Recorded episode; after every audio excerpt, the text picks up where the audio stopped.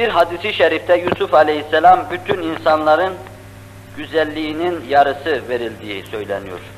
Acaba Efendimiz sallallahu aleyhi ve sellem mi o mu zahirde güzeldi?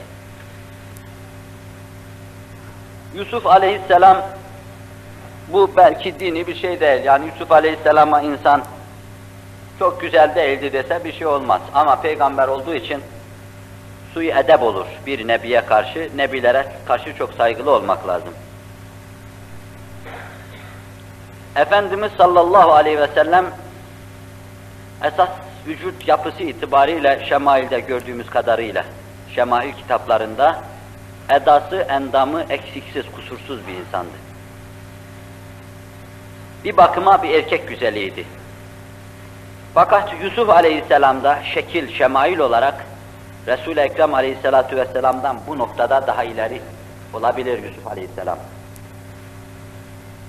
Çünkü Efendimiz sallallahu aleyhi ve sellem de zayıf bir hadis-i şeriflerinde zayıftır. Yusuf daha güzeldi, ben şirinim buyuruyor. Asıl mesele Resul-i Ekrem aleyhissalatu vesselamın içteki derinliğiyle Yusuf aleyhisselamın içteki derinliği meselesidir. Efendimiz bizi böyle konuşmadan, hususiyle seleflerimizi, sahabe ve tabiini böyle konuşmadan men etmiş. Ama o öyle men edecek, o kendi vazifesini yapıyor. Ben de kendi vazifemi yapacağım. Ben de konuşacağım. Diyor ki beni Musa'ya taftil etmeyin, Buhari Müslim'de. Bilemiyorum, insanlar haşrolduğu zaman onu arşın örtüsüne tutunmuş Allah'ın huzurunda göreceğim. O hiç surun üflenmesiyle saikaya maruz kalmadı mı, yoksa benden evvel mi kalktı bilemiyorum diyor. Yoksa turdaki saika ile iktifa mı etti bilemiyorum diyor. Yunus bin Metta'ya beni tercih etmeyin diyor. Hazreti Yunus aleyhisselama beni tercih etmeyin diyor. O ashabı arasında, peygamberler arasında şu şundan daha faziletli, bu bundan daha faziletli şeklinde birini diğerine tercih etme meselesini reddediyor. Hele bu taftilin kendi hakkında yapılmasını hiç kabul etmiyor. O tevazu gösterdiği nispette zaten büyüdü. Büyüyecekmiş, mukaddermiş zaten. Allah ruhunu büyük yaratmış. O büyüklüğü meydana getirebilecek bir nüve vardı mahiyetinde. O hiç suistimal etmedi. O nüvenin kendisi için mukadder olan akibete gelebilmesi için lazım gelen her şeyi yaptı. Meliklikle ve fakru zaruret içinde nebi olma arasında muhayyer bırakıldığı zaman tereddüt etti tabi. Acele karar vermedi. Cibril'in yüzüne baktığı zaman da tevazu işaretini gördü ve tevazu etti. Melikler masalarda oturuyor, sandalyelerde oturuyorlardı. Ama o yerde bir köle gibi oturuyordu.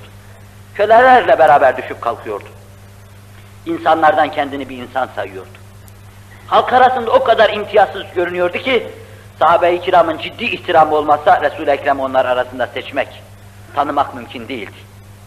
Hele ilk zamanlarda Hazreti Ebu Bekir'le oturduğu zaman halk Hazreti Ebu Bekir'e tazim ediyordu. Bilemiyorlar, tefrik edemiyorlardı. Sonra kalkıp başında yelpaze sallayınca, altta oturanın nebi, üsttekinin onun hizmetçisi olduğu tebeyyün etmişti. Resul-i Ekrem aleyhissalatu vesselamın bu içe doğru derinliği, bu noktada hiç kimse onunla boy ölçüşemez. O varsın edebinin, tevazuunun muktezası beni Musa'ya taftil etmeyin desin. Ama biz biliyoruz ki kainatın mayesi oydu. Biz biliyoruz ki olmasaydı Musa da olmayacaktı, İsa da olmayacaktı, Yusuf da olmayacaktı. Tutamadım yani, hislerimi çok ketmetmeye çalıştıysam da tutamadım. Resul-i Ekrem'in bu siret güzelliği mübarek suretine de aksetmişti. İbadetü taatı, Allah karşısındaki durum ve vaziyeti, şeklin ve şemailin şeffaf perdesi arkasında onun asıl mahiyetini gösteriyordu. Asıl bakanlar da onun bu mahiyetine bakıyordu.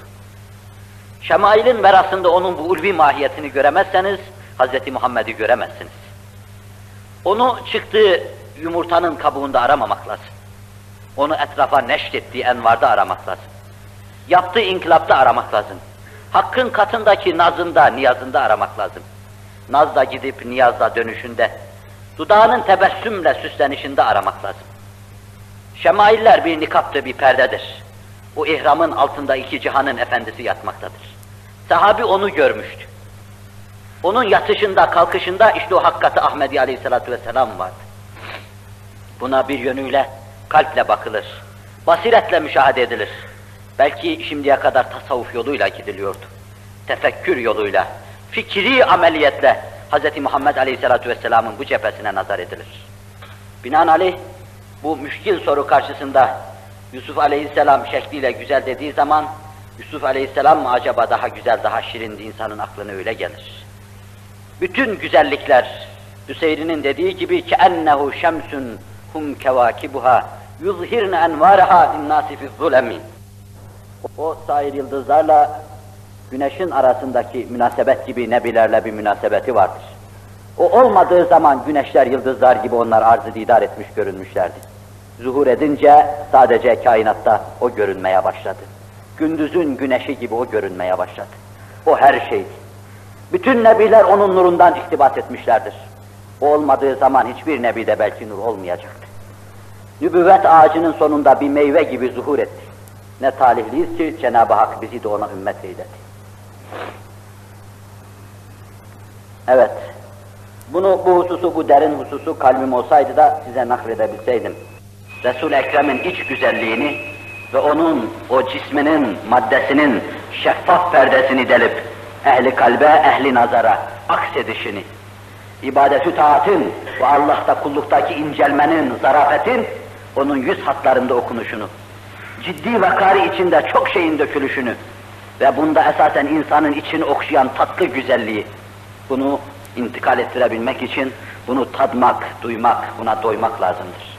Ama herhalde bu vadide fikir verebilmek için bir şeyler söylemiş olduk.